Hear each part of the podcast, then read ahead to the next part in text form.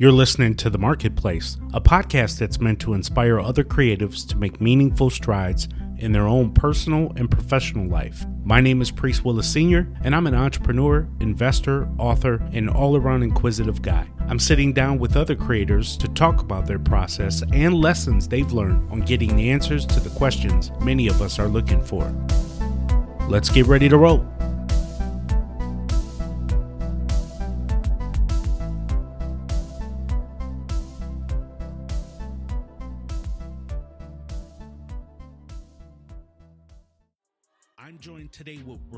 Blake, who is the CEO and creative director of Create Awesome Media LLC, where he develops and produces digital content and online media properties. Currently, he is the host of a popular creative education channel on YouTube known as Always Be Creating. Roberto also hosts and co produces the Create Something Awesome Today podcast. So he's a podcaster. He's also a public speaker. He covers a variety of topics that fall within his wheelhouse, such as video marketing, personal branding, entrepreneurship, career development, social media, and he's attended various events that many of you have been to. I wanted to bring Roberto on to share some of his insights about YouTube and give career advice.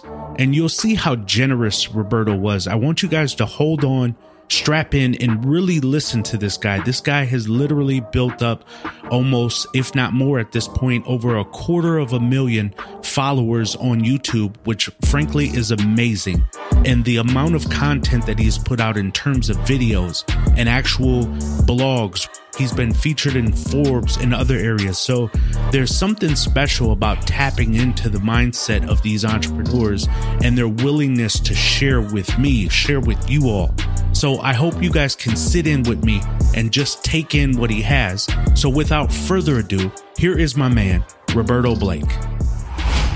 Roberto, welcome to the program, man. Thanks for joining me. Thank you so much for having me. Excited to have you. So, why don't you tell the audience a little bit about yourself? Well, my name is Roberto Blake, and I'm a creative entrepreneur. I've been a creative my entire life. I've been drawing since before I could walk. a lot of people within my family were photo enthusiasts, so I became one too, uh, developing film in the darkroom at 10 years old. Went to college for graphic design and advertising. Before that, I wanted to be an animator, wanted to draw comics and cartoons, aspired to work for like Disney and Marvel. But I was very limited by the technology of my time. A lot of people don't realize that, you know, right now it's 2017. I just turned 33 years old. So when I got on the internet 20 years ago, there wasn't a lot of open source software. That wasn't a thing. And mm-hmm. you know all of our smartphones they're more powerful than the computer i had to work with. So today if i was 13 15 16 i wanted to be an animator i could go full steam ahead. Hell yeah. And like i could crush it. And i could literally if i was like 15 to 18 today i guarantee you within five years i'd have one of the top animation youtube channels out there right now.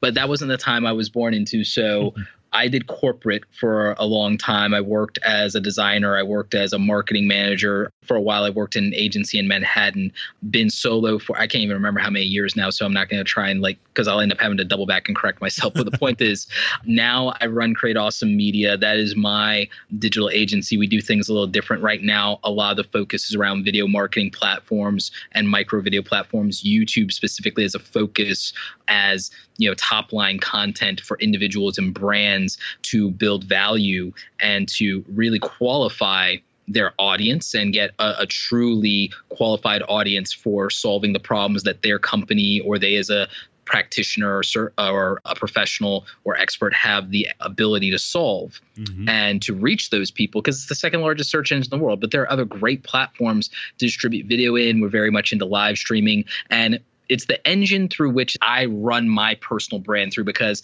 at heart, I'm a creative, I'm an educator, and I just want to create awesome things, share them with the world, and teach other people how to do that. YouTube has been a great platform to do that. I came from the world of blogging and doing my graphic design career uh, blog and interviewing people over there to shifting over to YouTube, doing uh, tutorials and career advice videos to help other creatives not be starving artists, make sure they don't end up in a cardboard box somewhere. And that's that's been my mission. And so I think this summer makes four years on YouTube of me doing that seriously, doing weekly content before I shifted to roughly daily content three years ago And so in the last four years, I've grown from not having an audience, not having a following there, because like everyone, I started like YouTube earlier than that, but I didn't do anything with it. So I had no audience. I grew my audience in 2013 from zero. And as of today, it's just under a quarter of a million. So Wow. Yeah, that's what I've been up to. It gave me so many opportunities. Let me become a public speaker. I've started my own podcast, the Create Something Awesome Today podcast. I'm also doing a call in show over on Anchor now that that platform's getting traction after a year. It's just giving me so many great opportunities to work with brands. I've gotten to work with Adobe, I've gotten to work with other companies on stuff, Dell, HP, FameBit, so many great people and I've even gotten to work with the company that I wanted to work with as a kid. I got to do something with Disney. So there's just so many great opportunities today for creative people, whether they want to work in corporate, whether they want to be entrepreneurs. And I just want to give them the shot. I just want to make sure that they have the information and resources to take their chance because it's never, ever been a better time to be a creative person than now. Yeah. It, so it, it definitely came full circle for you. The fact that you got a chance to work with Disney and you were young, kind of aspiring to work for Disney. And now here you are still. I've always told a lot of people and listeners that your gain will always be in your lane. So as long as you're doing kind of what you're called to do and what you're excited about, ultimately you'll end up in your goal. Now that may change how it looks over time because when you first started off in college and doing design and kind of other stuff, you probably didn't see it at the level that it is today. I mean, how could you? But I did and I didn't because here's a fun fact about that. In 2002, when I started college, I made a very, what was considered at the time, an arrogant and audacious statement that I wasn't supposedly allowed to make. So I had the nerve, the arrogance, the ego, the audacity to tell my professors straight to their face that, hey, I think you're wasting our time teaching us how to design ads for newspaper print because we should be learning how to design Google banner advertisements and we should be learning how to design graphics for digital media ah. because it's going to supplant all of this print advertising that you're having us do, especially for newspaper and magazine within just a few years. You were because, spot on. Yeah, I, I said that in 2002 wow. as a freshman in college. And it was a lot of, how dare you? I've been doing this since before you were born and blah, blah, blah. And this internet fad, it's not going to be taken seriously by businesses because this is just for you gamers and that's just for you kids. And real business people aren't going to take you seriously if you don't know how to design for newspaper ads and you're not going to get an agency or a design job if you can't do newspaper ads. Banner ads are not going to be in demand like that for another 20 years if the if the internet is even still a thing at that like no this is what they were telling me. This was, and i made another audacious statement in 2004 and i said you know i'm pretty sure that within the next decade that there will be no difference between computers and television and it'll pretty much be one thing. and I wish back then that there had been a such thing as daily vlogging. You could have written all that stuff out and put it out there. Because if I had said that and I'd like, you know, just talk to the camera, talk to a daily vlog back then, because I mean, YouTube didn't exist yet. It'd be another two years, another year to two years. But I'd be on the record historically of being correct in that regard on that you know prediction in a way where I could like because now it's only a handful of people I can say, hey, remember when I said that thing that actually were there to witness that? Like, you know, there's only a handful of people, but it's real. it's the truth. Because here's the thing: I was using the internet back in the days of AOL 6.0. Everything, every move Facebook has made doesn't surprise me. Facebook's the new AOL in a very good way. It's the new AOL. Oh, Facebook Messenger, like oh, making it a separate appliance. Yeah, that was called AIM. Yes, I remember. Yeah. Oh, chatbots. I remember we had that in AOL too. Chatbot. Oh, chatbots are like like no. I I saw that a decade ago. So, it's not as sophisticated, but I, and the marketing implications now are tremendous. But I saw this coming. So you were a bit ahead of the curve in terms of seeing the technology would evolve and what that could mean for creatives. And you talk so much on your YouTube channel about creatives and wanting to support creatives. And one of the things that I really appreciate about your YouTube channel, and I really, really want everybody to check out Roberto's YouTube channel, is you don't only talk to the creative, but you talk to the soul of the creative. So you talk about anxiety, depression, mindsets. Hey, don't worry about starting at zero. Talk about I lived success, it. successes, failures. That's such a breath air from an entrepreneurial perspective because everybody you hear is either crushing it, killing it, and some of these entrepreneurs just feel like flat out losers where they're like, why is he crushing it and I'm not? And you kept it so real to say, hey, look, you know, some days and maybe you didn't say these words, but some days I don't feel like getting up. There was a dark period in my life, but I kept the majority up. of my life, right? the far majority, the far majority. Look, for most of my life, if not more, I was what I would describe as an overwhelming boiling cauldron of anger and sadness and and angst mm. and pain. And I think that there are a lot of people who can relate to that. And so I'm being very upfront about that and vulnerable, especially in Instagram, where I literally public journal and I talk about mindset and I talk about what I'm thinking, what I'm feeling, and what I've been through in a very open way. And it's not because I want attention and it's not because I want to glorify any of the negativity. I want it's just that I don't think people are being honest. I don't think everyone's trying to do fake positivity. I hit fake positivity up a lot, but the reason is because I understand the people who are doing it have good intentions. Mm-hmm. And I'm not hating on them for that. But when I was a track and field runner, there was a strategy that we had called destroying the field. Are you familiar with that? I'm not. So, a trick in track and field if you're a cross country runner is to start the first two minutes with a ridiculously unsustainable pace because it's immediately going to discourage everyone else. The distance and the gap between you is going to feel so overwhelming that, that the majority of people will not try to close it because most people are glass half full. Got it. That's too hard. I won't even try. Oh, wow. I will never get there. I'm just going to stay here where I'm comfortable and do me but to think that you aren't good enough or that you can't catch up or that you can't close the gap or that you can't surpass somebody that's a defeatist attitude. And the thing is there are people manufacturing a narrative to eliminate the competition whether it's intentional or not. It, you know because some people this is just what they do. Instinctively it's not some you know machiavellian plot on their part. They're just going full steam ahead out of excitement and then they level off to say hmm like that was a bit much time to go to a sustainable pace but what they don't realize and what they don't care because they're smart they're staying in their own lane they're not turning their head to look back they're moving a, they're forging ahead which is what you're supposed to do. But they don't realize the impact to everyone else around them or that's watching them is that there's no way i can do that. It's not their responsibility necessarily to do anything about that. Right. me i just feel that I need to make people aware that this is what happens. I need them to be armed with that knowledge because I need them to put it in perspective. I love that perspective. I mean, it's so real, it's so truthful. And if a lot of us as entrepreneurs are honest with ourselves, we do sometimes get caught looking at other people and letting that determine our speed, whether we're going to go faster or slower. And sometimes you feel like, ah, Roberto has it, Gary Vaynerchuk has it in that department. How could I ever get a slice of that?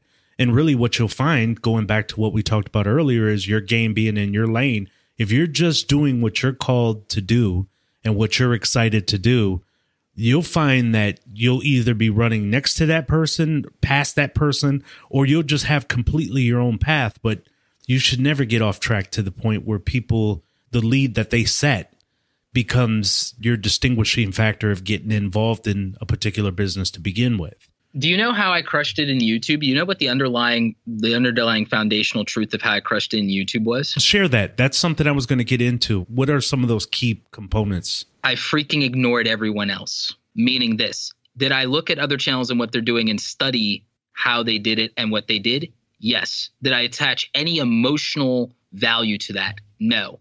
Did I look at the biggest YouTubers on the platform? No, because none of the biggest YouTubers on the platform were doing what I wanted to do. Not even close. Mm-hmm. Nobody. Do you know who I looked at? I looked at Terry White, who's now a friend. He's an Adobe product evangelist, and he does some of the best tutorials on YouTube. I looked at Howard Pinsky, who's now a friend. I looked at Nathaniel Dodson from Tutvid, who's now a friend. I looked at the educators in YouTube, which are an underserved, undervalued market. And a lot of people have no idea when I mentioned Nathaniel Dodson, Terry White, and Howard Pinsky from Ice Flow Studios. They have no idea, Jared Polin, they have no idea who these people are mm-hmm. because you know who they're not? They're not PewDiePie. They're not Casey Neistat. They're not Philip DeFranco. They're not Swoozie. They're not Lilly Singh. They're not Jenna Marbles. They're not iJustine. They're not those people. Love iJustine, by the way iJustine, Freddie Wong. Those were like two of the only big YouTubers who I had any real awareness of because I was not paying attention to the hierarchy of YouTube the way everyone does now because I was not interested. I was only interested in people that I related to and that did things that were exciting and interesting to me and I understood. I am a tech enthusiast. I am a photographer. I'm an artist. I'm an illustrator. You know, I'm a gadget geek. I'm an Adobe guy. So those are the people I watched, which do not necessarily have the largest followings in YouTube, which is fine because that was never my goal. The people, with very few exceptions, they have this goal of I just want to be a big YouTuber and I want all the views and all the subscribers and the attention. I want the gold play button. I want the diamond play button. All that like that's almost a guarantee they won't make it. Mm. And I don't say that arrogantly. I say that because here's a number no one talks about: 500, 5,000, 50,000, and then 15 million. Less than 500 people have 10 million subscribers in YouTube, most of those being brands, most of those being like your Jimmy Fallons and stuff like that. And of course, the biggest YouTubers, your Markipliers, your PewDiePies, your Jacksepticeyes, your Lilly Singhs, your uh, Liza Koshys, but then also your brands like WWE and most of the Vevo channels. Mm-hmm. Those are like the diamond play button people. It's less than 500 people. So that's the top of YouTube. Then the gold play buttons, the big YouTubers that we all know and love, that's less than 5,000 people. Gary Vaynerchuk is still under a million and he has like 2 million in Facebook, almost 2 million in Instagram, has had a million in Twitter for years, which never, by the way, funneled over in years to his Gary Vaynerchuk YouTube channel. He had to grow that organically from scratch because for years, eight years on YouTube on the Gary Vaynerchuk YouTube channel, and he wasn't breaking 40,000 subscribers and was getting like abysmal views. You can go back and you can still find Gary Vaynerchuk videos, Gary freaking Vaynerchuk videos with under 2,000 views. He's giving away gold, telling you how to build a six or seven figure business, and he's still underrated. He's still underrated in YouTube. When people whine or tell me or throw my view to subscriber ratio in my face, and then I look at Evan Carmichael, Marie Forleo, Gary Vaynerchuk, and Tony Robbins in YouTube, Tim Ferriss, Tim freaking Ferriss, four hour work week, and all the stuff that he's done. And best selling off like isn't Tim Ferriss like a four time best selling author now? Oh yeah. Yeah. He can't, and he hasn't broken a quarter million. I think I might be more subscribers than him right now. Not that it matters. He's Tim Ferriss. I think there there is an absolute story here that when you are doing what you're supposed to be doing, and you prove a very very good point that Tim Ferriss, everybody knows about the four hour work week, even if you don't know what his other three books are, you know exactly what that is, or you've at least heard of it. And you're absolutely right. There's a lot of content that has been left unviewed by Gary Vaynerchuk simply because people didn't know him at the time. He wasn't the name that he is today. He positioned himself so that his vlogging was ongoing, organic, constant. He had to pound YouTube to get to the point where he was at today. And you, I was there in the beginning of the Ask Gary V show. I was one of the first questions. Wow. And in the early, early days, episode 66, I'm one of the only five people that he gave a straight up shout out in the Vayner Nation on their hustle. And I don't say that as a brag, I say that as three points. One, even a shout out from Gary Vaynerchuk didn't bump my subscriber count nothing at the time. I've also been on the call-in show twice for and had my question on the air in a live calling show on Ask Gary V twice. So I was a question in the early days. I was a shout out in the early days, and then later around episode like 200, I was a call in question twice. And that I'm telling you, it's never bumped my. Now, if I was actually a, a guest, that'd be different. Mm-hmm. But uh, Gary, let's let's work that out. but uh, but if you're listening, or if your audience wants to help Gary and tell him to put me on the show, that'd be amazing. Hashtag um, it, guys. Hashtag it for Roberto. But right on. But the real answer is that you're right. You have to stay in your lane where there's no traffic. I get emails on a weekly basis of make me famous on YouTube. And I'm like, no. like I delete those emails because one, first of all, have a bigger goal and dream than being YouTube famous because it doesn't mean what people think because it means. There's yes. an article from Gabby Dunn about people who are YouTube famous and can't pay rent because at 20 something they thought it was a great idea to move to San Francisco or LA because they had 100,000 subscribers or a half million subscribers or whatever, and then realized that they'd still have to keep working as a barista if they wanted to pay rent. It's a really great article. I believe it's called The Sad Economics of Being Internet Famous by Gabby Dunn. We'll link um, that up, guys, for you. It's this great great article that gets into the economic reality of YouTubers, especially entertainment YouTubers. And in the age after we've had so many YouTube scandals, by the way, from big YouTubers, and mm-hmm. after the adpocalypse, what we refer to as the adpocalypse, uh, colloquially, the YouTube advertiser boycott that still like is affecting people. And now we have the shadow demonetization issue, which is a whole different rant that I can't take up our time with. Suffice to say that there are things if you're an advertiser that you see in terms of how you opt out or opt into advertising versus there's things where a YouTuber thinks that ads are running on their content, but they don't realize that their content may have been vetted or categorized in a way that may have said to advertisers that they're not advertiser friendly after all. It's not YouTube shutting off your advertisers is advertisers saying you didn't meet our standard and you are categorized in a bucket that we check the box on no on mm. like and you have no way as a content creator of knowing whether you're classified as that. And it's not anything nefarious on youtube or google's part. It's that the google team and the YouTube team, it's a parent child relationship. Parents mm-hmm. don't tell children everything. And then these are separate appliances that happen to communicate to each other on the back end. Doesn't mean the product teams talk to anyone. As someone who works in like corporate, you understand how individual product teams are siloed. And anyone who's ever worked a corporate America job understands how things are siloed. But here's the funny part and the differentiator between someone like me and the majority of YouTube. And again, it's not a brag. I did my time in corporate America. Mm-hmm or was Google AdWords certified in corporate America. Not anymore because I can't be bothered, but I still have all the knowledge. But my point being this is that because I know how corporate America works, my insight into how the ecosystem works from a brand standpoint and from an advertiser standpoint, I've been on the other side.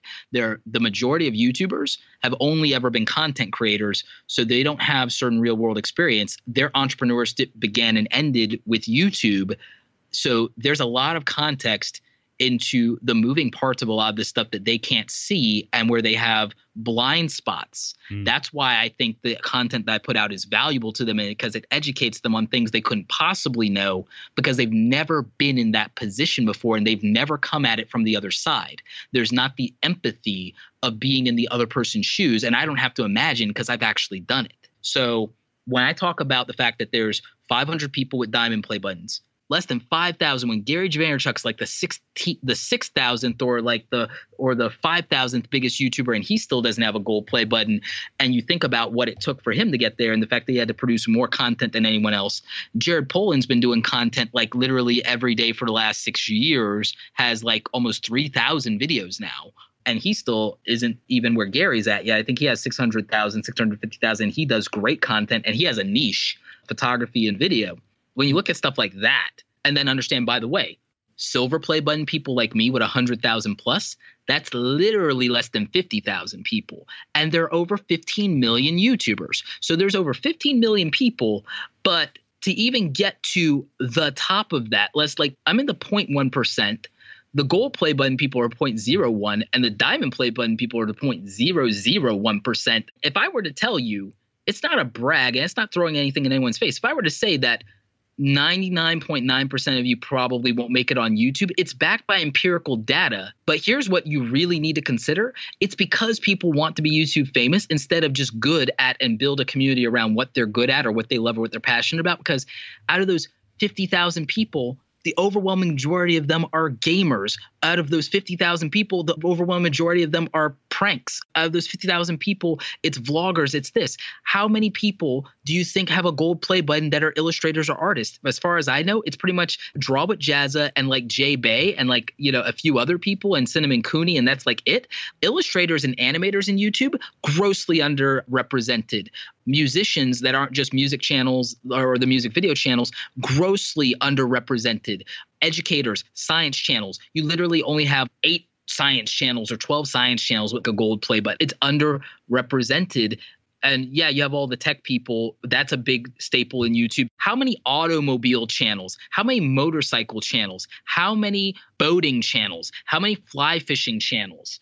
How many gardening channels? You see what I'm getting at? Yeah. It's like when you think about the fact that there's only 50,000 silver play button people and only 5,000 gold play button people, and most of it is this people, this people, this group. And by the way, think about how many of those are international versus US. How many of those are the Arabic speaking YouTube channels? How many of those are the Portuguese? There's so many Brazilian YouTubers crushing it, and it's all in Portuguese. It's not even in English. So when you even throw the global diversity angle into the to the mix, there's so much opportunity and there's so much room at the top so that everyone being discouraged or saying YouTube too saturated, I don't know what the heck they're talking about. That's a load of crap to me because if you are not doing the thing that everyone else is doing, or if you, God forbid, did it differently, there's so much room at the top because, again, it's just 0.1% of people crushing it, quote unquote. It's 0.1%. There's so much room.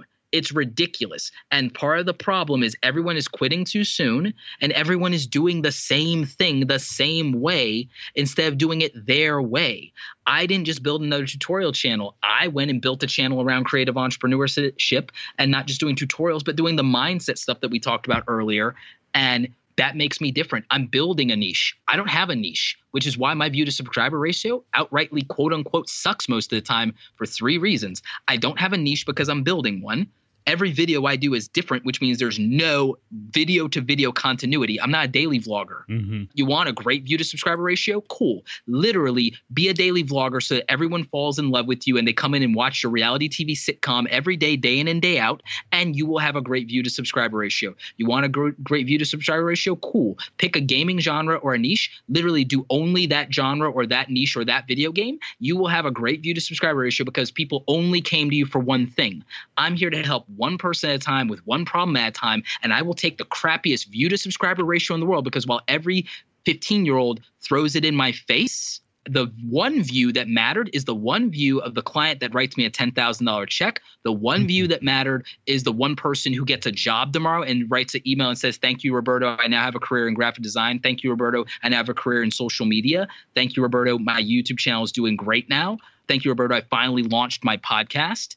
Thank you, Roberto. I was going to give up on drawing because of my parents, but now I'm at college on full scholarship as a fine arts major. That one view matters a lot more to me than having a great view to subscriber ratio by literally just spamming my top 10 greatest hits mm. in a different way every single day because I could just do that like everyone else. I think you've you hit it right on the head. You know, one of the questions. Rant over, by the way. No, no, no, that's fine. I, that's that's more than a rant. I think a lot of people that were listening, there's a lot to digest here. And first, the play buttons that Roberto was talking about was what YouTube gives out to those who hits these milestones that he highlighted there. So it's an encased plaque, and Roberto has showed his silver button in one of his videos that I watched. And other people, when they get a certain amount of subscribers, gets this kind of like congratulations from YouTube. But beyond that, you've also dived into what makes you know, people are always looking for this magic potion of, I want to start a YouTube channel. How can I be powerful? And you kind of hit it right on the head when you talked about, look, there's so many opportunities and so many niches that you could go after that are untouched because everybody, it, what it reminds me of is those hot dogs and brats that are at the gas station and they're just all rolling on the grill looking the same. You know, all these YouTube channels are trying to create the same content and they're just regurgitating stuff that they heard from the last person versus going out tapping into a market that may not seem as sexy i.e. gardening or mechanics or whatever but doing it really really well. So one of the things that you push is because hey, they love it. that's right. Do what you know or do what you love. Right. And and that's exactly what they're doing. Mechanics what what you'll realize is that some of these people that are just doing gardenings and mechanics and fixing lawnmowers they don't really have the social media acumen to kind of create really strong video images and all that. But once they got that down, you'd be surprised when I go search out how to fix a Briggs and Stratton lawnmower, how many views that guy got. Now imagine if he created some kind of funnel behind it or branded it a little bit. He just enjoyed fixing the lawnmower. He put it out there. He has 30,000 views. Some of us have to stop being copycats and purely just do what we love put that as a vlog or a video log of some kind somewhere. If if you were a stay-at-home parent today, you could crush it if you were a stay-at-home parent today and you've had a bunch of kids before, not by being a family vlogger, although you could certainly do that. Let's say that I managed somehow to retire super young, right? Or actually, let's even take a look into my theoretical future. Let's for a moment pretend it's 10 years from now. Mm-hmm. So that puts us at 2027 let's let's say it's 2027 let's say i, I married you know because it's ideal right? It's my fantasy. Let's say i married a girl mid you know 20s or whatever right?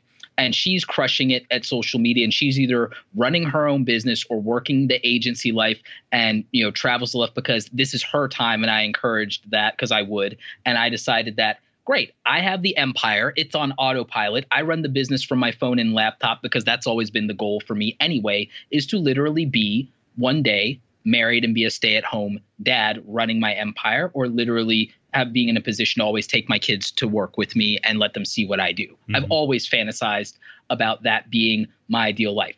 So if I were going to then switch up the game, because at that point I've done what I've done, and then my content becomes my speaking engagements and me filming myself at the office, if I were going to do a completely different channel as a personal thing or as partly even a little bit of a memento kind of thing in some ways, I would literally be doing content as a stay at home dad and it would be literally like you know how to tie your shoes and it would literally be a picture with me and my kids like on the steps or the front porch and be like a close up of my hands over their hands like tying a shoe. And i guarantee you that it would get a ridiculous amount of views because every parent that wants to teach their kid how to tie their shoes or every kid that's a latchkey kid and their parents aren't home and they're like still they can't double lace or they're always tripping over their own two feet or whatever they watch that video. My YouTube channel just showing what I'm teaching with my kids becomes their Mr. Rogers. Roberto becomes Mr. Rogers. For I can I see you in the sweater, Roberto, and singing a song as you come through the oh, house. Oh yeah, I could put on the Bill Cosby cardigan and I, it's a beautiful day in my neighborhood. Like I could, I, I'm being for real. Or it's like, or finally teaching my, you know, my son uh, to tie a tie, or teaching my daughter how to tie a tie for when you know she has a boyfriend or husband or whatever the situation is, or if she just wants to help me tie my tie. Like, or like, yeah, literally have my daughter tying my tie, teaching her how to tie my tie, and that would be such a cute video, and it'd be so simple to make, and it can use whatever the new, the like the freaking new smartphones of that era will be in 8K in 3D. You'll be watching it in a hologram or some crap. But real talk it's literally this straightforward of you don't have to have this grandiose thing. You could do what you know and what you love. And if you know what you love is moments and teaching your children about life there's someone who's going to want that or someone who doesn't have that family lifestyle that's going to then live vicariously through you and want to share in those values. In the same way that i grew up watching the wonder years and the cosby show and boy meets world and family matters and in many ways sometimes idealizing those things we now have the option to watch those things. That's why people like family vloggers. And that's why how to content around something as simple as tying your shoelaces or tying your tie would crush it and you don't have to be Casey Neistat. I met a kid at Vlogger Fair and he says YouTube channel is struggling and like and I asked him what what do you do? He's like I'm a vlogger and like let me take a wild guess. You decided to try and be Casey Neistat and he's like yeah that's exactly what I did. I was like okay cool. So I asked him what's your dream and he told me his dream is literally to be a backup dancer for Ariana Grande. I was like, okay. And how does trying to be Casey Neistat accomplish that? And he's like, it doesn't. I was like, right. If I were you and I could dance like you, instead of trying to be Casey Neistat and open up with these beautiful time lapses or drone shots, every video I'd be doing something like spinning on my head because that's going to make me a backup dancer for Ariana Grande. Every video is a slow motion or time lapse opening of me popping and locking before I do a vlog, then. and the vlog is about the pain, sweat, and sleepless nights of trying to make it as a dancer and wanting Ariana to notice me. And so that's how, if you have a dream you use the platform to facilitate your dream. It's not about becoming YouTube famous. I had no desire to be YouTube famous. I wanted to, again, I wanted to help creatives not be starving artists. I wanted creatives to be able to get a job in corporate that doesn't suck by having leverage and to know what they want and to have the skills to win at that job interview from somebody who knows. I wanted to teach and empower the people that maybe hopefully one day work for me and to give them the right thesis and the right corporate culture. I wanted to inspire other creatives that become entrepreneurs one day, not to become some of the crappy bosses that I had mm. by having the right values and also understanding and how to empathize and remembering where they came from and what it was like.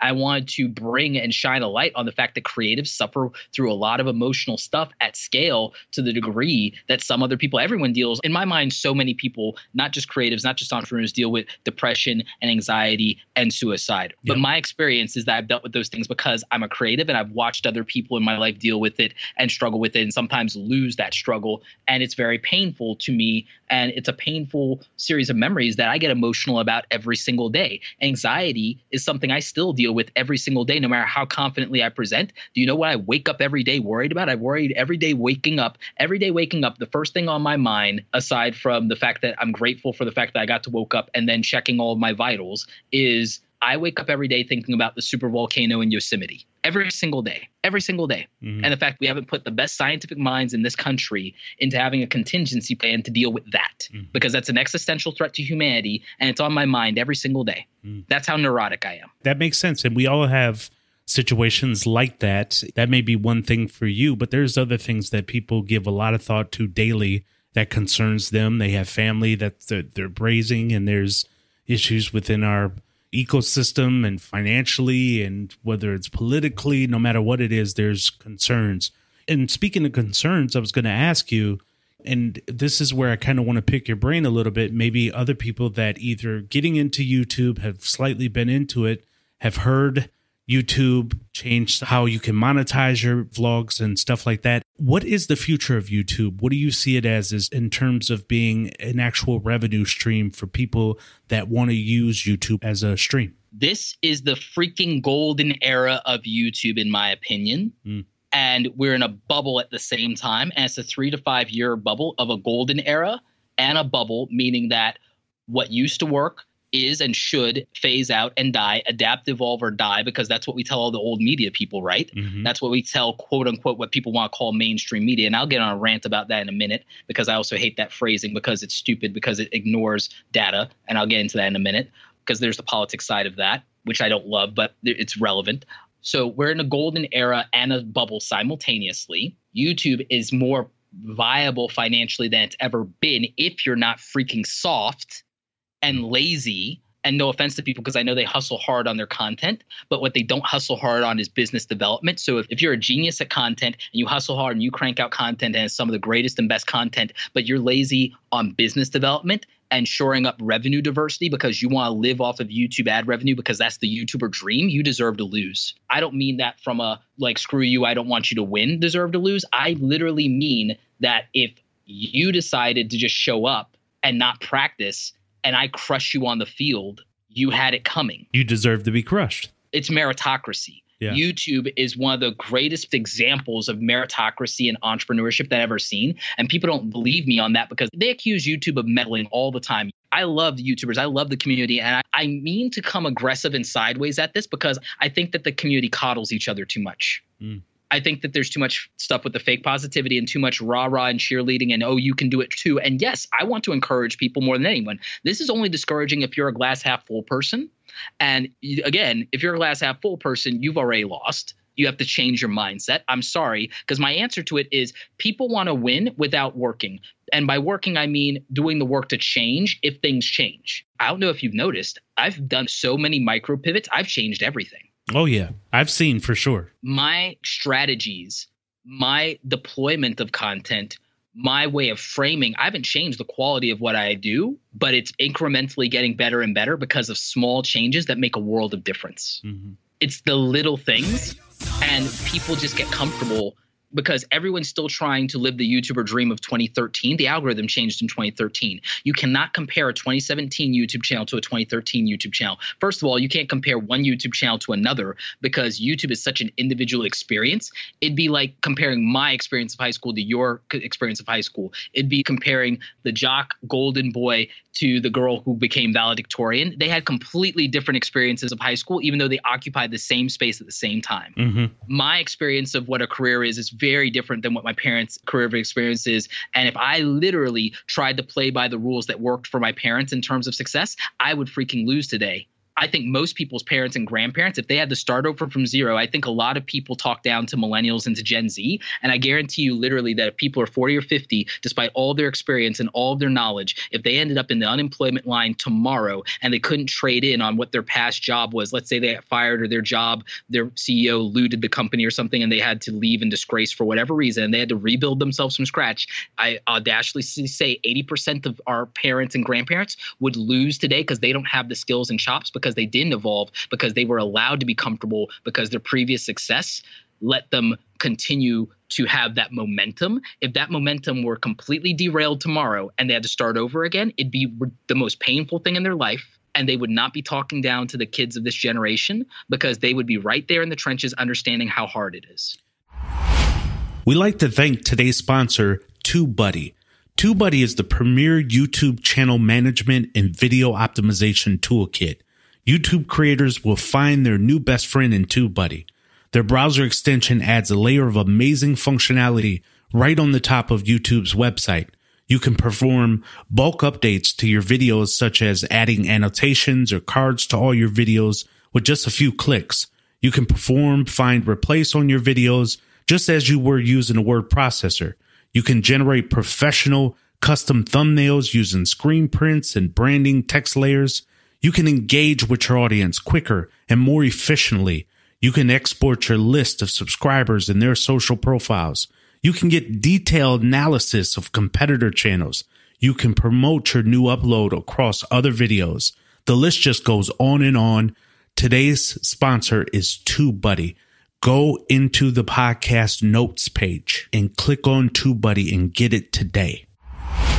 I think uh, every generation is harder on the next. With that being said, Roberto, what do you see? And maybe this is off course in a sense that you know people should focus on what we have but what do you see as the next social media thing that businesses should turn their attention to or should they just focus on YouTube and Snapchat and Instagram and Twitter and get that stuff right and not worry about the next woohoo platforms are the wrong thesis because like like that's they're just a tool. They're an appliance but they're an appliance and a tool in a community that has its own context and culture.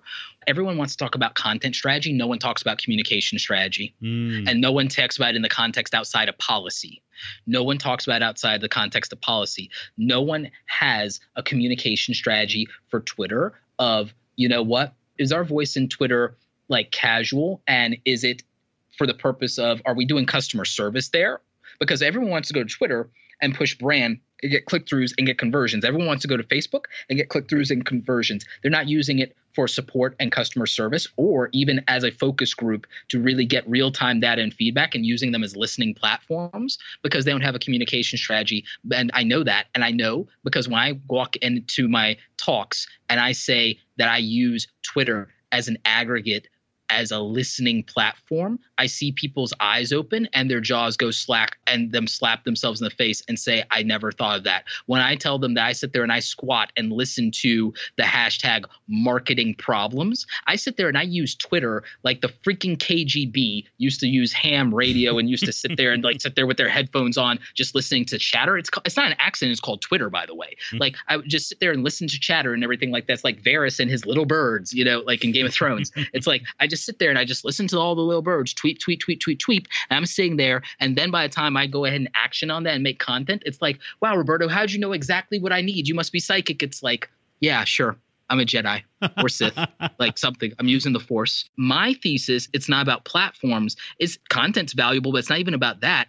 It's that it's a communication strategy. Content facilitates a conversation. Content can direct a conversation. Content can be an aggregate. The comment section of YouTube is a a treasure trove in terms of data mining for sentiment. And everyone thinks ROI is sales. And I literally, every time a marketer tries to tell me ROI is only sales, I have to seize up and hold back from literally punching them directly in their mouth. Yeah, because I get angry. In my opinion, there are four S's of ROI sales, scale, sentiment, and social proof. Sales is the obvious one, but you can't sell crap if you don't know what people love or hate and what's in demand. So you need to understand sentiment. It's why we used to pay for focus groups and polling data.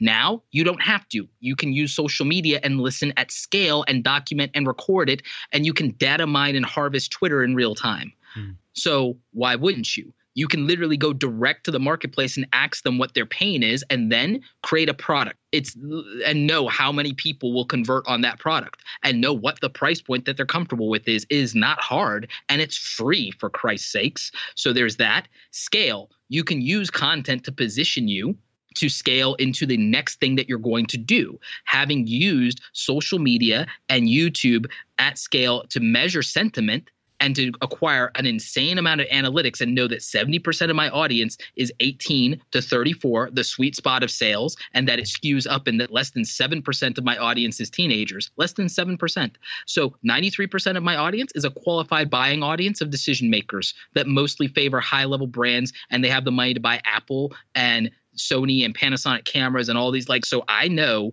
the buying power of my audience. I know that because of affiliate marketing data, which means that I know what the capacity is for me to do direct sales to my audience because if only a fraction of them are buying high-end electronics, if I sell an info product that's based around the data that I've accumulated around their pain points, I'll crush it.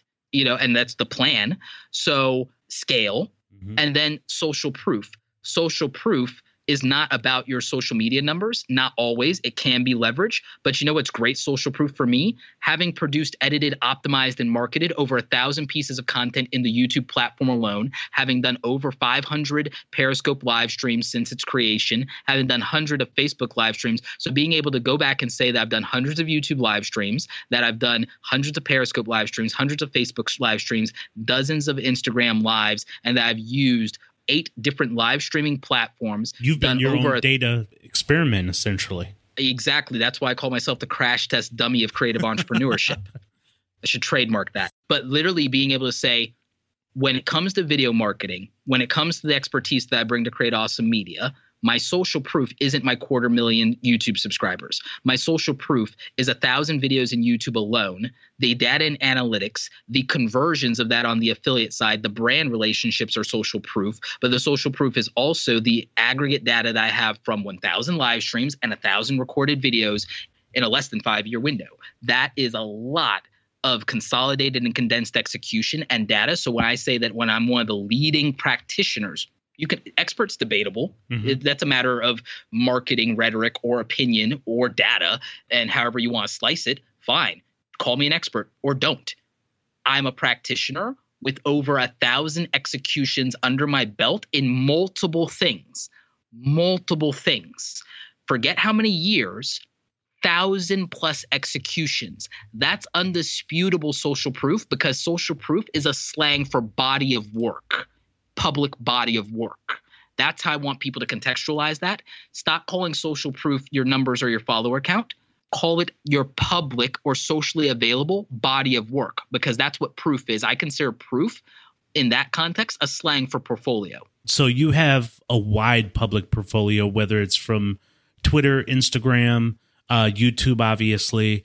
What do you Facebook now too? Facebook, that's I, right. You and you have done- a private networking group of 600 creative professionals. While everyone's trying to use Facebook groups as a mailing list by having a public group of 10 or 20,000 people, I made a very specific invite only, invite only meaning a group member has to invite you and a moderator has to approve you to be in a in the create awesome community networking group because it's a hub for creative professionals to critique share information resources and to work together and to hire out of and so, it's an exclusive group of 600 people, an exclusive networking group of 600 people at different levels that includes Emmy award winning motion graphics professional Chris Do, who is like killing it in the creative scene and is the uh, head of Blind Design LA. Jose Caballer, formerly of the school and the future and the group from LA, now back, I believe, in uh, Central America. Emmy award winner Eric Rossi, an Emmy award winning photography for Major League Baseball. People like that are in this networking hub. And that is a great group to be able to get an invite to the value of an exclusive group of high level professionals that people who have been vetted and invited in that might be early in their career have access to ask questions of these people and share and have critiques. And these people are more than happy to help them and more than happy in some cases to use this as a platform for recruiting freelancers. Mm-hmm. And that's a Facebook group, it's a free thing. And I was just the central figure of people collecting around to facilitate this through my relationships. To me, that's a great accomplishment. But beyond that, I have a paid mentoring group that's exclusive because it's paid. Not that we don't want people in there, but there are people who aren't willing to pay X amount of dollars a month to be to, for a membership website and a Facebook group. And that's fine because having that tight circle, it may not be the social proof publicly that is really impressive in terms of a big number, mm-hmm. but that's qualitative because the type of people we have there the type of businesses and brands that they're growing and also the results that they're producing. But also from me, I then have the social proof of how I used this platform, this platform, this platform to convert to a, a recurring revenue based um, membership. So there's a success story and case study in that that I can use to train other people as creatives. Someone who might want to do art lessons, someone who might want to teach a social media platform, I can tell them how to use their existing network to build a conversion funnel for a membership website or group. Yeah, I think there's so much value in having membership sites for the obvious reasons that as you pointed out, there's a lot of quality in memberships, intimacy that is being created between you and the person that is learning from you or gleaning from you. And then likewise, being in such an exclusive group as you talked about, and there's Facebook groups all over the place, but having the camaraderie between yourself and other people within a group, you know, people that think like you, that are creatives like you, that won't laugh at your ideas. They're just there to suggest. And your voice isn't drowned out by 10,000 people. That's right. All of that has so much gold to it. And I think for those who are listening, if you haven't joined groups and you haven't got involved in some level of memberships and stuff that you are trying to hone into, whether it's Roberto's, you need to check him out I stand behind him 100%. You know, if you're in gardening, I guarantee there's a Facebook gardening page out there. You need to get involved and find people that think like you. But in general, I have 6,000 plus followers on Instagram. So I'm building with Instagram. I do a lot of podcast posting and stuff there. What do you find to be where you get the best outside of the group, the membership site? Where do you find your best level in engagement? I also like Twitter a lot. I can get connected right into people, but what do you think is gives you the the pulse of the people right away? As a listening platform, overwhelmingly Twitter, aside from the groups, Twitter mm-hmm. at scale, and from an engagement and deep intimate relationship thing, aside from Facebook direct messenger and groups and voice calling, mm-hmm overwhelmingly Instagram because Instagram is the EQ platform. Instagram is about emotional connection. And I figured out, as you've seen, what my new Instagram I hesitate almost to call it a strategy so much as what as an execution because there is a strategic component to it, but the strategic component was more about hacking my own self-awareness. Mm-hmm. I wanted to be able to look back in the same way that vloggers do on who I was and who I am and what I was thinking and feeling. So what I did was I decided to start speaking to the vulnerability side of instead of just hustle and the crushing it and the, I wanted to talk about the reality the painful, dark, gritty reality of being a creative and having your imagination be your greatest resource and your greatest adversary. Creatives are their own worst nightmare in the sense that our imagination is the source of all of our uh, success and all of our pain at the exact same time because as creatives, we imagine the worst every single day. I'm going where the hole is and I'm filling the hole because as a creator, that's all we do. My family's Panamanian and Cuban. I'm, I'm a black Hispanic. It's like that's a double dip on be machismo, don't be sensitive, don't wear your heart sleep, don't be soft, don't cry. That's a double dip. I mean, really? And then you know the western culture being american on top of that i mean like please it's like it's game over it's, there's a reason i got beat up every day at the bus stop and like but it's the truth. I now understand that I need to talk about it because somewhere out there, there's a young kid that's like Roberto that needs somebody to say it, and I may not be able to be there for them. But in social media, I'm omnipresent. I'm omnipresent. It. I'm not all powerful, unfortunately, but I'm omnipresent, so that's something. I love it. I mean, I really do love the content that you put out, the the transparency that you have, even with me here on the podcast. I mean, what you have. I really, really want listeners to go out, check out the YouTube, the live feed, eh, Twitter, everything that he puts out is really genuine. You'll sense the the organic approach and him really rooting for you as an entrepreneur. So let me ask this last question here, Roberto.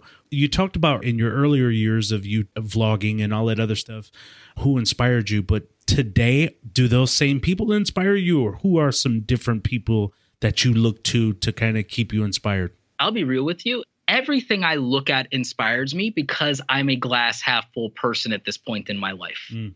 And even if I wasn't, in the worst ways, even when I was glass half full, that inspired me too. Mm-hmm. Because, but you have to be open to that. And the thing is, even when my perspective was wrong, at least I was open in some ways.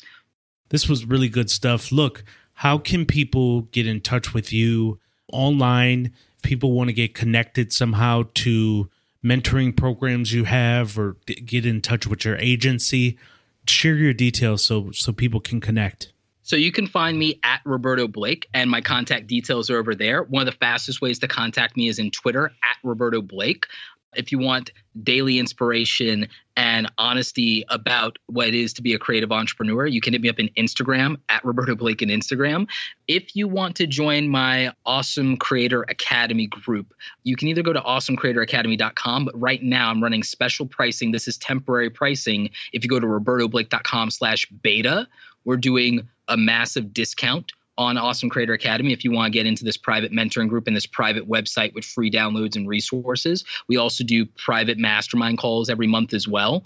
And so there's a ton of value there, and you'll be surrounded by people hustling just as hard as you that are willing to listen, willing to give you advice, willing to critique and look at your stuff, and willing to have a conversation about you and willing to work together with you. I've had so many people in the academy start working together, literally, and getting clients together and doing business and doing business development. Because I'll circle back because, like, before we cut off, there's like one more thing I want to get into for like maybe five more minutes because I know we're uh, running into time here. Yeah. But earlier, one of the things we talked about was the importance of YouTube business development because we talked about you brought up a question. The big question is YouTube still a, a viable financial platform and can people still yes. uh, win here? Yes. And I really want to dive into that. The thing I'll say about that is I still believe that we're in the golden era, but I believe that the golden era is always meant not living on YouTube AdSense because it's too vulnerable and the majority of YouTubers they don't even understand how AdSense works. There's so much mythology around it and they don't understand the reality because they've never been an advertiser, whereas I have. So if you're not an advertiser and an ad buyer, but this is the thing making you money and you don't understand it, first of all, I think that's a mistake because AdWords.com, everyone can sign up there for free, and you don't have to buy advertising to study the platform to understand the platform that generates your revenue. So that's one. The other thing is diversification of revenue. I know you are a big proponent of affiliate marketing for the obvious reasons. Yes. But affiliate marketing, I disproportionately make more money on affiliate marketing than I do on YouTube AdSense, more reliably and consistency, and not just any one affiliate marketing program. And I have every intention of just scaling all of my affiliate marketing you know stuff passively. I make thousands upon thousands of dollars through affiliate marketing and not just amazon but through the web hosting companies through appliances and plugins like tubebuddy through other things. And then the obvious things are sponsorship. Most youtubers they have the trifecta of sponsorship merchandise and adsense but uh, like that's not reliable just to do that. Mm-hmm. Sponsors, what if sponsors don't have money that quarter? What if advertisers don't have money that quarter? What if there's a boycott? What if you're demonetized? That's not reliable. Merchandise, the margins on that aren't great all the time. You need an actual, in my mind, is that you do all three of those things, but then you also get a real product or service digitally, a digital product or service. Digital products are scalable. You figure something out. It doesn't always have to be an info product. It could be anything digital products are out there and you just have to have unique value that your audience wants. You have the data if you have an audience, so figure it out. Ask them what they want, if anything else, and just deliver on that. Also, you could do fan funding through donations through something like Patreon. You have YouTube if you do live streams, you have Super Chat. Usually, if I do a YouTube live stream super chat, I make hundreds in that live stream versus you know how many views I'd have to get to make hundreds of dollars in YouTube based on the ad revenue. Mm. It's night and day. It's night and day. So you could do that do more live be not afraid to do that figure out the qualitative part of it versus the, the like technical quality versus emotional quality you know figure that out. I believe in the product and service model like i talked about. Look a lot of youtubers they're not going off of YouTube and taking their expertise in video editing and crushing it because they could be making more money. They could work and do editing for another channel and make money. They could do it for the local businesses and make money. They could go and they could like they have the camera gear to do YouTube videos. They could be out there doing weddings and filming stuff and doing commercials and making money hand over fist before they make it on YouTube. They don't have to make it on YouTube to use the YouTube skills for that. If they have an audience, look, if you have an audience of 200 people and you can give each of those 200 people or like let's say you had an audience of 2000 people if 10% of them 200 of them if you can convert even 10% of those people to $500 of value a year throughout the relationship which is no different than saying give them 40 something dollars of value every single month consistently get them to buy enough products or services or something or a membership or something or donate enough that puts you at six figures if you get $500 in value throughout the course of a year from 200 of your relationships. So why does everyone think they need 100,000 subscribers? 200 people 200 people that are customers, donate like supporters or clients to the tune of $500 throughout the year, that's a pretty conservative number in terms of monetizing a relationship year round. Mm. It's not that difficult. So, and, and not everyone needs to make $100,000. So you see, there you go. So this is practical. This is like the real practical advice that I'm talking about here. So there's that facet of it. You don't have to write a straight up print book and your audience might value an ebook from you and it doesn't have to be a tactical ebook like my stuff's going to be. It could be philosophical. I mean people would probably buy a book from me on bullying one day like i mean easily. Hmm. um, that would be real and you could do something like that. Whatever your unique value or your unique experience is i mean it's just real to me that if people are choosing you and people relate to you and people identify with you, then monetizing and figuring that out, there's so many ways to do it. And I think people are just locking in on YouTube ad revenue because it's passive income and they're dreaming about that and they want to make money in their sleep. And I get it. I make a lot of money in my sleep. I wanted to make money in my sleep, but I don't just do that. I when I did consulting, if you actually have some data in YouTube and you think that you're that analytical type of person, you can articulate well, become a consultant and maybe it be a consultant to the rest of your niche and maybe not just limited to YouTube, but even to the companies. Like I go back and I talk to the companies, I talk to creators, I talk to entrepreneurs that are outside of YouTube that want to leverage the platform or other social media. But you know where I really get into with people with consulting, where I really get into people with consulting is a lot of people want to know how to streamline and they want to know how to automate and they want to know how to monetize and they want a content strategy and production stuff, it becomes much less about the YouTube algorithm than it does about streamlining their business and maximizing their time because they don't understand how it is that I can do all of the things that I'm doing with the same 24 hours in a day that they have. Mm-hmm. And do all the traveling and speaking that I do. I mean, that's another thing. Speaking in public appearances and hosting duties, there's money in that.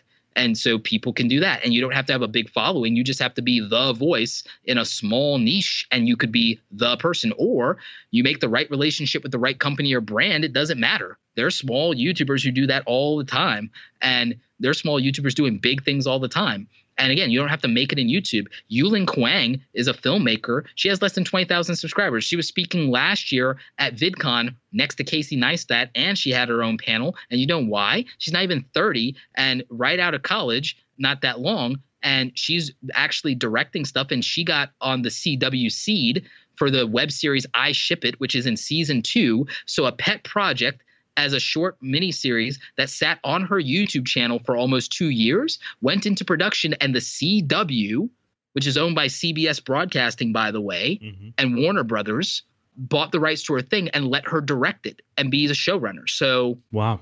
20,000 subscribers and you got to work for actual Hollywood. Like, I don't think why people think they need the numbers. It's the one person seeing your stuff that can give you an opportunity it's like stop chasing these numbers and stop thinking you need a hundred thousand, a million subscribers. You don't. You need the right content that reaches the right people, and you need the right business strategy, and you need the right appliances attached to your channel to do these things. I'm building a whole separate YouTube channel for Awesome Creator Academy, and the content's going to be different than what's on my main YouTube channel. I'm building a whole different YouTube channel for Create Awesome Media. And the Create Awesome Media YouTube channel, one, is going to host a video version, but not video video. It'll be like audio with like static stuff of the podcast. And then the rest of content is going to literally be mostly videos that handle social media terminology so that every single potential client of Create Awesome Media is speaking the same language and we're not all making up definitions of things. So that's what that's going to be. Mm-hmm. Awesome Creator Academy,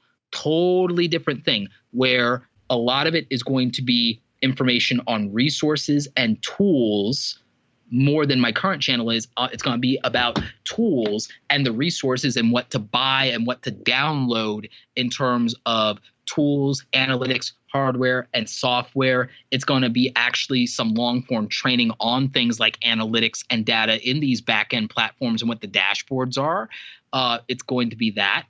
And also on the Create Awesome Media YouTube channel, there's going to be a lot of videos that are about social media platform updates because our clients will need to stay on top of what happened, what did Snapchat change, what did Instagram change, what did YouTube change. It's going to be those news updates. So there's that aspect of it.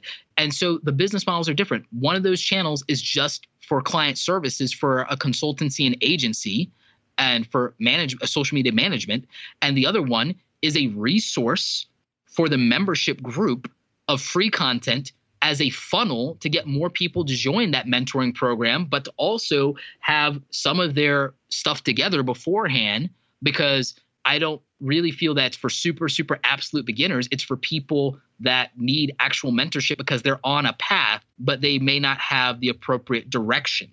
It's context. It's context. That's very different than my personal brand, where I'm the living crash test dummy of creative services. do you There's, do anything on Udemy? Not yet. And I say not yet because Udemy and Skillshare will basically, in my mind, I think I'm going to just basically repurpose my YouTube content, especially long form stuff that fits the context of that platform for free and give it away in Skillshare and Udemy just as a marketing funnel. Because with Awesome Creator Academy, I'm going to sell high end and high level courses because I control the platform and I don't have to split the revenue. And I believe in that model a lot more. Mm-hmm. So I'm going to use Udemy and Skillshare from a marketing standpoint of an as another distribution funnel of existing content repurposed for that platform. And then I will own my own courses in, in their in perpetuity and in their entirety. That being said, I have been approved to be a Lynda instructor and I will be a Lynda and LinkedIn learning instructor doing some specific stuff with them. That's cool. And my aspiration currently is to also do something with CreativeLive. So if anyone wants to go to creativelive.com slash suggest and uh, suggest me as an instructor for CreativeLive i'd be happy to give a ton of value over there because that's an ambition of mine. So it's it's things like that and obviously public speaking uh, I've started staffing and outsourcing enough to where I have the resources to own my own platform. I don't think everyone does. And I don't think that's the starting point for everybody. I waited four to five years to do that for a reason. Mm-hmm. And it was about patience. And that's the other thing. I don't think YouTube is a fast cash grab. It used to be in the Wild Wild West uh, in you know 2013, 2015. You can get on YouTube and you could either become a liberal or conservative commentator and just use clickbait controversy and make a small fortune they shut that down. I couldn't be happier. Mm-hmm. I couldn't be happier. And not because I want to suppress the politics side of it, because I remember I wanted to talk about this. The politics side of it, I'm not about the suppression of free speech. It's free speech. And it's really free speech if you're not making any ad money. That's true. But if it, if you think that's important and to the masses, it's called, well, you're working at your job when you first start on the platform, everyone starts at zero anyway and doesn't make any money. So, what's the difference? If you believe in the cause, if you're a true believer, then getting paid is a bonus, isn't it? So, if you think that there's something worth putting, because guess what? Like, and someone say, well, Roberto, why don't you just turn off all your ads? It's like, one, I don't have to. YouTube loves me. I don't have to. Mm-hmm. And then mm-hmm. two, and they're not going to demonetize me. And then two, I'm not putting out any contra- thing controversial. And then three, it's that I did for the longest time eventually I made money. Most YouTubers, the big YouTubers we know today, most people don't realize they spent three to five years in the hole doing YouTube. Mm-hmm. They spent three to five years not making money. I mean, Philip DeFranco was doing this and making next to no money for a good while. You know, he's been on his platform for a decade, but he spent the first four years of that worrying about money. Mm-hmm. And no one today starting, most people don't have the patience for that. They don't make money in six months to a year, they cry. But he also diversified. He went to his like he always started out with the merch and doing brand deals. He never relied on ad revenue. He always knew it was vulnerable because he lived in the real world of not coming from money. And he started in North Carolina, by the way. Like a lot of people forget that. Oh, did he really? Where where did he start at here? I believe he was in Raleigh. Wow. You're a wealth of knowledge. I'm so glad we got an opportunity to kind of talk with each other and connect. It's one thing to watch your YouTube videos, talk to you on Twitter, but it's another thing just to have a conversation with you. I love your spirit, dude. I really appreciate your generosity and time with me, man. Absolutely. It was my ple- oh, it was my pleasure so much. Thank you for having me. Thank you for reaching out. Thanks for listening. The next episode of Missions and Marketplace podcast drops on Sunday. Drops every Sunday. If you like what we're doing, leave us a rating, a review, and subscribe to us on Apple Podcasts. It's a great way to help others find out about the show. I got love for you, and I know you have it for me. Help me raise the bar even higher. For more information about the show, follow me on Twitter at the handle P. Willis Sr. Until next Sunday, keep dreaming, keep pushing, and I'll do the same, and I'll talk to you soon